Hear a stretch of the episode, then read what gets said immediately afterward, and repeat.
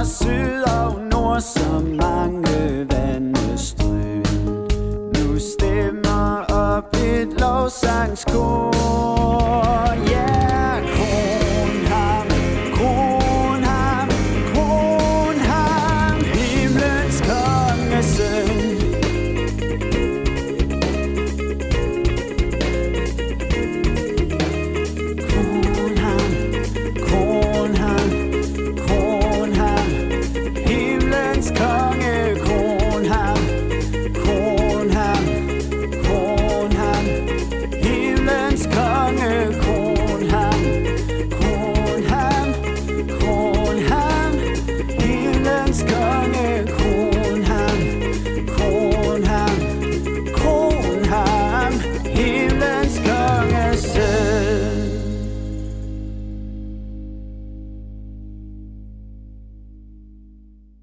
Vi hørte sangen Vær priset Jesus Krist, sunget af gruppen af Hjerte for Herren.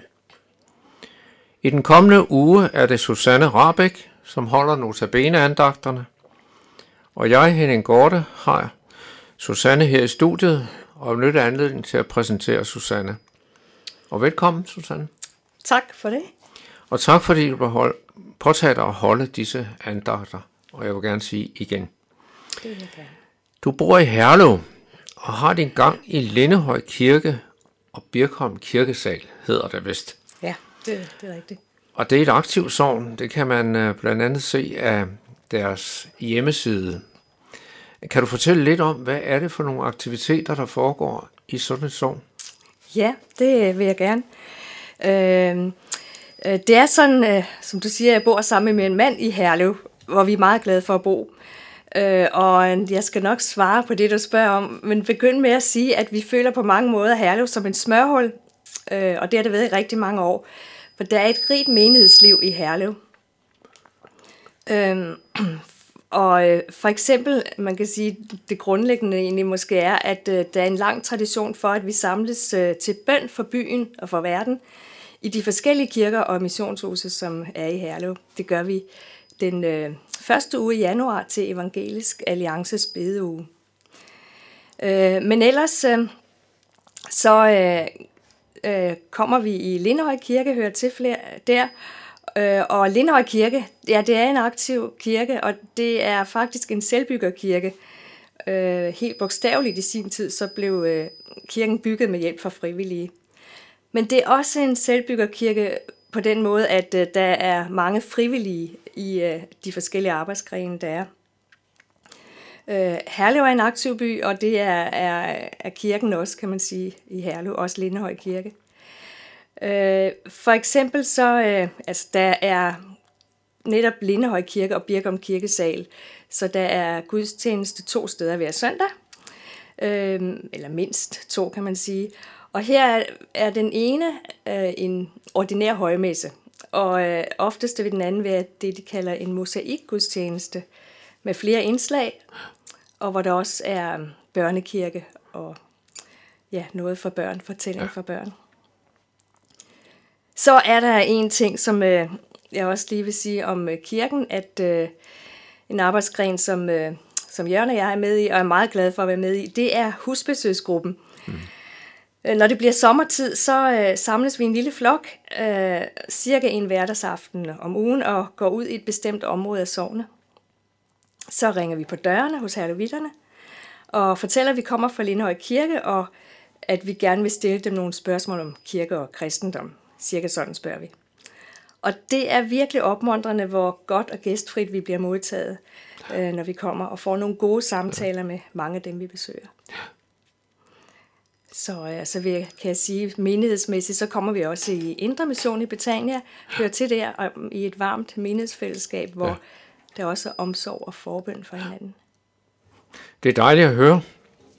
Øh, men når man kender jer lidt personligt, så ved man også, at, at I er nogle kontaktskabende mennesker. Mm. Og det gælder også jeres øh, fysiske naboer. Øh, hvordan går det med naboskabet, hvor I bor? Øh, jo, det er en anden årsag til, at vi er, synes, at Herlev er et smørhul. Det er, at vi er, er glade for vores naboer. Det er sådan, at vi bor på en villavej, hvor naboerne øh, har det godt med hinanden, øh, er der for hinanden, og både unge og gamle. Ja. Så, og i flere år, så var det sådan, at vi øh, samledes hjemme hos os i en nabobibelkreds, øh, cirka hver 14. dag, øh, hvor, hvor der også bare var åbent fællesskaber. Og tale sammen, læse i Bibelen og også bede for hinanden. Øhm, den er der ikke længere, desværre, den nabobibelkreds. Det var hovedsageligt ældre mennesker, så ja. de allerfleste lever ikke mere. Men nu har vi så et rigtig godt fællesskab, blandt andet med to børnefamilier, som er flyttet ind ved siden af os.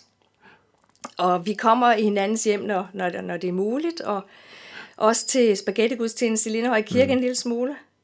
Og så har vi et iransk vennepar, som genbor, og der har vi også været med lidt til hinandens fester og til tværkulturelle arrangementer. Ja. Så det, det er godt at bo på Tvedvangen. ja, det er så Tvedvangen i Herlev, I ja. bor. Øhm, så lidt et andet boldgade, det er dine andagter. Øh, kan du fortælle lidt om, hvilke temaer eller emner du har valgt, og hvorfor bliver det netop dem? Ja, øh, overskriften øh, for notabene er vores bekymringer og Guds trofasthed. Og øh, Jørgen, øh, min mand, han kalder mig en bekymringstype og har, og har ret i det. Men jeg, derfor har jeg også arbejdet en del med ikke at bekymre mig. Så jeg lægger særlig mærke til Bibelens ord om bekymringer, sikkert derfor. Ja. Øh, og det vil det komme til at handle om, og i andagterne så er der flere øh, bibelord, øh, ind, eller de indgår i andagterne. De handler om Jesu tale til og omsorg for os ind i forskellige sammenhænge, hvor vi kan bekymre os. Og det kan være i Guds plan og tjeneste, ved savn, smerte og sygdom, evigheden, de lidende kristne, og så vil det handle om, hvad bekymringerne bevirker. Ja. Tusind tak for det, og vi glæder os til at høre dine andagter. Og måske, kære lytter, kan det være, at du sidder tilbage med spørgsmål om det, der er blevet sagt, eller uddybninger. At du ønsker at få det uddybet lidt, så er du meget velkommen til at kontakte Københavns Nærradio. Du gør det ved at sende en mail på knr knr.dk, eller du kan ringe til lederen Viggo Vive på 32 58 80 80. Vi skal nu høre sangen Nu takker alle Gud, sunget af gruppen Himmelblå. Nu takker alle